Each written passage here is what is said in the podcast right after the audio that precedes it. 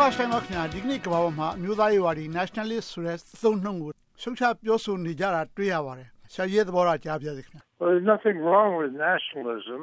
There's, but if nationalism, there are, there are two sides. One is the မြို့သားရေးဝါဒဆိုတာဘာမှမှားတာမဟုတ်ပါဘူးဒါပေမဲ့ nationalism မှာအစိတ်ပိုင်းနှစ်ခုရှိပါတယ် patriotism ကိုယ့်အမျိုးကိုချစ်တဲ့မျိုးချစ်စိတ်ဟာအပြုသဘောဆောင်ပါတယ်ကိုယ့်လူမျိုးကိုယ့်တိုင်းပြည်ကို ဝေဖန်စရာရှိတာကိုဝေဖန်မယ်ဒါပေမဲ့ချစ်တယ်ဒါကအပေါင်းလက္ခဏာဆောင်တဲ့မျိုးချစ်စိတ်ဓာတ်ပါနောက်တစ်ပိုင်းကတော့ jingoism လို့ခေါ်တဲ့တယူသန်မျိုးချစ်ဝါဒဖြစ်ပါတယ်ကိုယ့်အစိုးရကိုယ့်လူမျိုးရေးအတိုင်းဝိုင်းဆိုတိုင်းမစင်စားမစင်ကျင်မဲနဲ့ဇွတ်မိတ်ထောက်ခံတဲ့စိတ်ဓာတ်ဖြစ်ပါတယ်ဒါကတော့သိပြီးတော့အန္တရာယ်ကြီးပါတယ်ဒီလိုပါပဲ ethno nationalism လို့ခေါ်တဲ့လူမျိုးစုအခြေပြုအမျိုးသားရေးဝါဒဆိုတာရှိပါသေးတယ်အရှိမပြောခဲ့တဲ့ဟာတွေနဲ့ကွဲလဲပါတယ်လူမျိုးနွယ်ကိုအခြေခံပြီးတော့ ငါတို့လူမျိုးသူတို့လူမျိုးဆိုပြီးတော့ခွဲကြပါတယ်ဒါဟာမွတ်စလင်တွေကဂျူးတွေဒါမှမဟုတ်ကက်သလစ်တွေကိုမုန်းတိတာမျိုးလိုဘာသာရေးကိုအခြေခံမယ်ဒါမှမဟုတ်လူမျိုးစုရေးကိုအခြေခံမယ်စသဖြင့်မျိုးမျိုးရှိနိုင်ပါတယ်နိုင်ငံလိုက်လည်းဖြစ်နိုင်တယ်လူမျိုးစုလိုက်လည်းဖြစ်နိုင်ပါတယ်ဒါပေမဲ့တချို့ nation state တို့ခေါ်တဲ့အမျိုးသားနိုင်ငံတွေရဲ့အမျိုးသားစိတ်ဓာတ်ကြတော့လူမျိုးရေးကိုအခြေခံပြီးဖြစ်လာတာပဲမဟုတ်လားခင်ဗျာ no because because it depends upon the country it's very very different and မဟုတ်ပါဘူး နိုင်ငံတစ်ခုချင်းအလိုက်ကွဲလွဲပါတယ်တိတ်ပြီးတော့ကိုကွဲလွဲပါတယ်မြန်မာနိုင်ငံမှာတော့ဒါဟာတိတ်ကိုထူးခြားနေပါတယ်မြန်မာဘာမာဆိုတာကတကဘာလုံးအတိမတ်ဖြူထားတဲ့နိုင်ငံတစ်ခု state ဖြစ်ပါတယ်အငင်းပွားစရာမရှိပါဘူးဒါပေမဲ့ nation လူမျိုးတစ်မျိုးလားဆိုတာကမေးစရာရှိနေပါတယ်လူမျိုး nation ဆိုတာဟာပထဝီနယ်နိမိတ်တစ်ခုတွင်အားလုံးကတူညီမှုရှိတယ်ဆိုတဲ့အယူဆတစ်ခုရှိကြသူတွေကိုစူးစီးထားတဲ့သဘောပါအမေရိကန်မှာဆိုရင်စစ်စစ်ဆက်ဆက်မမေးရင်တော့ အမေရိကန်လိုပဲပြောကြမှာပါပဲနောက်ကျောင်းကိုစီစစ်ကြည့်မယ်ဆိုလို့ရှိရင်အီတလီဖြစ်ခြင်းဖြစ်မယ်ဂျာမန်ဖြစ်ခြင်းဖြစ်မယ်ကက်သလစ်ဖြစ်ခြင်းဖြစ်မယ်ဒါပေမဲ့အမေရိကန်လူမျိုးဆိုတဲ့အပေါ်မှာအားလုံးကလွှမ်းခြုံပြီးတော့တစ္ဆာစောင့်တိယိုသေးကြပါတယ်မြန်မာနိုင်ငံကြတော့ခင်ဗျာ Myanmar does not have that overarching loyalty except when you're under threat from abroad. မြန်မာနိုင်ငံမှာကတော့ပြည်ပချင်းချောက်မှုမရှိဘူးဆိုလို့ရှိရင်ဒီလိုလွှမ်းခြုံသစ္စာခံမှုမရှိပါဘူး ပြည်ပအနေနဲ့တစ်ခုခုရှိလာပြီဆိုရင်တော့လူမျိုးစုတွေအလုံးကမြန်မာဆိုပြီးတော့တစုတစ်ပေါင်းနဲ့ခုခံကြပါတယ်ဒါပေမဲ့တာမန်ချင်းတွေမှာတော့ငါကတော့ရှမ်းပဲငါကရခိုင်ပဲချင်းပဲဗမာပဲဆိုတာတွေကအရင်လာပါတယ်ပြီးတော့မှမြန်မာနိုင်ငံဆိုတာပါလာပါတယ်ဒါကပြဿနာပါပဲကျွန်တော်အစဉ်သဖြင့်ပြောလာရေးလာခဲ့သလိုပါပဲမြန်မာနိုင်ငံအစဉ်သဖြင့်ကြုံတွေ့နေရတဲ့အဓိကပြဿနာကလူများစုလူနည်းစုပြဿနာဖြစ်ပါတယ် ဒါမဲ့ ဒီလိုမျိုး လူမျိုးရေးကွဲလွဲမှုရှိတာဟာ ကမ္ဘာမှာ မြန်မာနိုင်ငံတနိုင်ငံနဲ့မဟုတ်ပါဘူး အိန္ဒိယပါဝင် တခြားနိုင်ငံတွေမှာလည်း ဒီလိုလူမျိုးတွေ အများကြီး ရှိနေတာပဲခင်ဗျ Oh yes and uh, it's not just defined to uh, Asia or Africa ဟုတ်ပါတယ်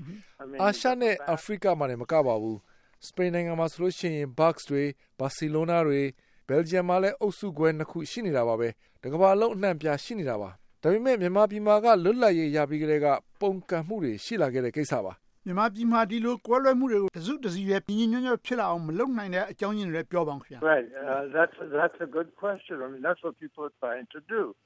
um and but ဒါက မေကုန်းကောင်းတစ်ခုပါ ဒီလိုဖြစ်အောင်ပဲ လူတွေကစူးစမ်းနေကြတာပါ ဒါပေမဲ့ အခုထိ မအောင်မြင်သေးပါဘူး မအောင်မြင်ရတဲ့ အကြောင်းချက်တွေကတော့ အများကြီး ရှိပါတယ်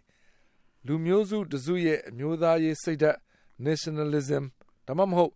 ethno nationalism အဲ့ဒါတွေအတွက် သမိုင်းကို ပြန်ကြည့်တဲ့နေရာမှာ သူများလူမျိုးစုတွေရှုထောင့်သူများလူမျိုးစုသမိုင်းကိုမကြည့်ဘဲနဲ့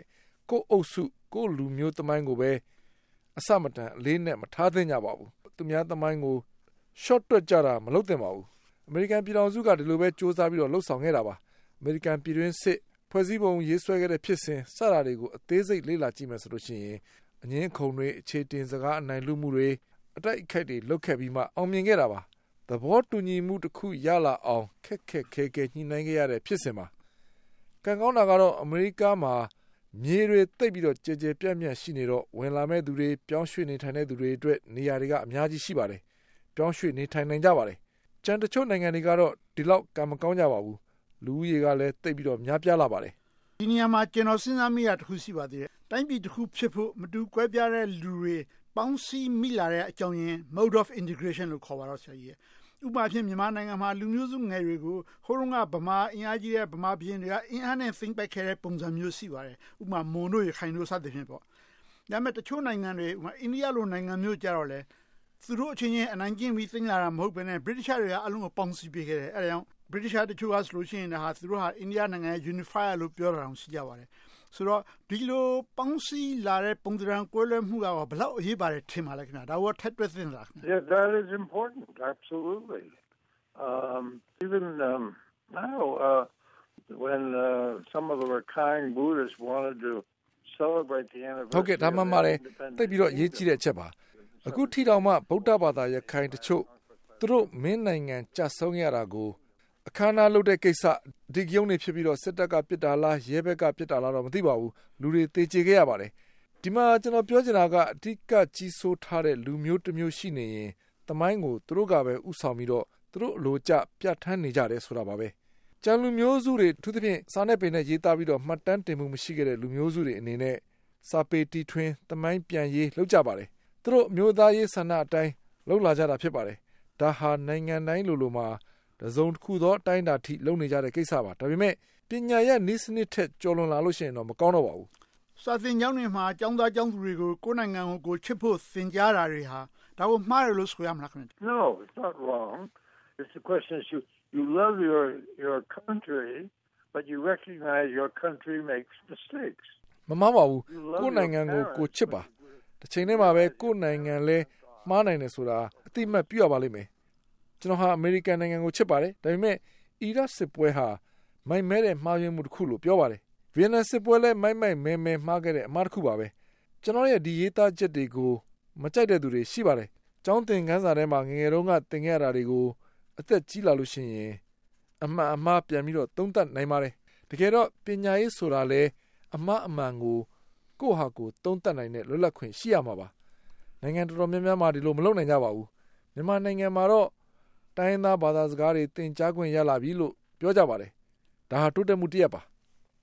နောက်တစ်ခါမြန်မာနိုင်ငံကိုလိုနီခေတ်က1906ခုနှစ်မှာ YMBA ဗုဒ္ဓဘာသာကလျာဏယူဝအသင်ပေါ်ပေါက်ခဲ့ပါတယ်အဲ့မှာအမျိုးဘာသာသာသနာလို့ကြွေးကြော်လာတယ်ဒီနည်းပြောရင်မြန်မာဗုဒ္ဓဘာသာစသဖြင့်ဒါကိုဦးစားပေးလာတယ်ဆိုတော့မြန်မာဆိုရင်ဗုဒ္ဓဘာသာဖြစ်ရမယ်ဆိုတဲ့သဘောထားမျိုးဆိုထားတယ်လို့ပြောနိုင်သလားအဲ့ကိစ္စကိုဘယ်လိုပြန်ပြောင်းသုံးသပ်မိပါလဲခင်ဗျာ The Young Men Buddhist Association was a clear uh, anti or clear anti-colonial ဗုဒ္ဓဘာသာကလျာဏယူဝအသင်းဟာကိုလိုနီစနစ်ကိုရှင်းရှင်းလင်းလင်းဆန့်ကျင်တဲ့အသင်းပါအထူးသဖြင့်ဗုဒ္ဓဘာသာမြန်မာထက်တန်းလွှာတွေရဲ့အသင်းတစ်ခုဖြစ်ပါတယ်နိုင်ငံရေးရအင်မတန်ထိရောက်ပါနမှုရှိပါတယ်မြန်မာနိုင်ငံလွတ်လပ်ရေးကြိုးပမ်းမှုအတွက်မျိုးသားရေးစိတ်ဓာတ်ကိုနှိုးဆွနိုင်ခဲ့ပါတယ်အခုခေတ်မဘာတာကတော့အမုန်းတရားပါဝင်ပတ်သက်နေတယ်လို့ကျွန်တော်ထင်ပါတယ်သူတို့ကမွတ်စလင်ကိုဆန့်ကျင်ပါတယ် YMBA တုန်းက ခရိယန်တွေကိုမုန်းကြဖို့မပြောခဲ့ပါဘူးနောက်တစ်ခုကဒါ xenophobia လို့ခေါ်တဲ့နိုင်ငံသားကိုကြောက်တဲ့စိတ်ဖြစ်ပါတယ်ကျွန်တော်တလောတော့ဟိုအရှိဥရောပပညာရှင်တယောက်ရေးတဲ့စာအုပ်တို့ဖတ်မိပါတယ်ဒါ paranoid to nationalism in Burma ဆိုပြီးတော့ကြောက်တဲ့စိတ်ကြောင့်အမျိုးသားရေးစိတ်ကိုပြင်းပြင်းထန်ထန်ဖြစ်လာအောင်တိဆောက်လာဆိုတဲ့သဘောမျိုးရေးထားပါတယ်ဘယ်လိုသုံးသပ်လိုပါလဲဒီ There's a fear in many people in part of Burma that Buddhism and the country will be destroyed by foreign influence မြန်မာပြည်ကလူအများစုဟာဗုဒ္ဓဘာသာနဲ့မြန်မာနိုင်ငံဟာပြည်ပလွှမ်းမိုးမှုအထူးသဖြင့်အစ္စလာမ်လွှမ်းမိုးမှုကြောင့်ပပျောက်သွားနိုင်တယ်လို့ဆိုရင်ကြပါတယ်ဒါတကယ်လားခင်ဗျာပပျောက်သွားနိုင်တယ်ဆိုတာတကယ်ပဲလားခင်ဗျာတကယ်မဟုတ်ပါဘူးအဲ့ဒီလိုစိုးရင်ခံစားမှုတကယ်ရှိနေတယ်ဆိုတာကျွန်တော်သဘောပေါက်ပါတယ်ဒါပေမဲ့လက်တွေ့မှာမှားပါတယ် Now I know that in the case of the Rohingya they have more children so eventually they will have take over the country I mean I understand that and they do have more children but အဲကျွန်တော်ဆက်ပြီးတော့ပြောချင်တာကရိုဟင်ဂျာတွေကကလေးတွေပုံများတယ်ဆိုတာကျွန်တော်သိပါတယ်ဆိုတော့တဖြည်းဖြည်းနဲ့သူတို့ကတိုင်းပြည်ကိုလွှမ်းမိုးသွားနိုင်ပါတယ်ဒါကိုကျွန်တော်သဘောပေါက်ပါတယ်ဒါပေမဲ့သူတို့ကဆင်းရဲနွမ်းပါတော့လူမှုဘဝဖူလုံရေးအတွက်ကလေးပို့ပြီးတော့မွေးဖို့လိုပါတယ်တနည်းပြောရရင်နိုင်ငံတော်ကဘာမှမထောက်ပံ့တော့သားသမီးတွေကိုအားကိုးရပါတယ်အနောက်နိုင်ငံတချို့နဲ့တရုတ်ဂျပန် ကိုရီးယားတို့မှလည်းအရင်တုန်းကဒီလိုမျိုးဖြစ်ခဲ့ကြပါတယ်ဒါပေမဲ့မွတ်စလင်မိသားစုတွေအဖို့ကသားဆက်ချတာသားသမီးအရေးအတွက်ကန့်သက်တာကိုသူတို့ဘာသာရေးကခွင့်မပြုဘူးမဟုတ်လားဆရာကြီး Well they no I mean Catholicism forbids family planning but now that's changing even in the Philippines Roman Catholic မှာလည်းသားဆက်ချတာကိုတားမြစ်ပါတယ်ဒါပေမဲ့အခုပြောင်းလဲသွားပါပြီ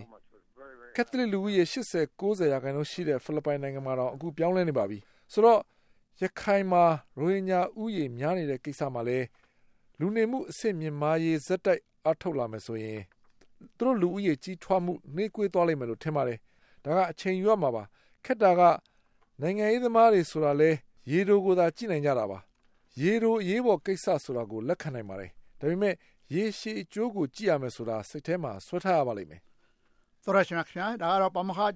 David Steinman နဲ့ဆွေးနွေးကြတာဖြစ်ပါတယ်ကျွန်တော်ကအမျိုးသားရေးစရာအကြောင်းကိုဆွေးနွေးမယ်လို့ပြောကြတဲ့ဆရာကြီးကဒါဟာသိသတိထားပြောမယ်ကိစ္စဖြစ်တယ်လို့ကျွန်တော်ပြန်ပြောခဲ့ပါတယ်အင်မတန်အကဲဆက်တဲ့ပြဿနာကိုပညာရှင်တူအနေနဲ့သူ့အမြင်သူ့ရှုံးကပြောတော်ခြင်းသာဖြစ်ပါတယ်ဒါကြောင့်သောရရှင်တွေအနေနဲ့လွတ်လပ်စွာသဘောထားကွဲလွဲနိုင်ကြပါတယ်လို့ပြောကြရင်းနဲ့ပဲဂုတ္တဘအစီအစဉ်ကိုဒီမှာတင်ဒီကုန်းချလိုက်ပါတယ်ခင်ဗျာကျေးဇူးတင်ပါတယ်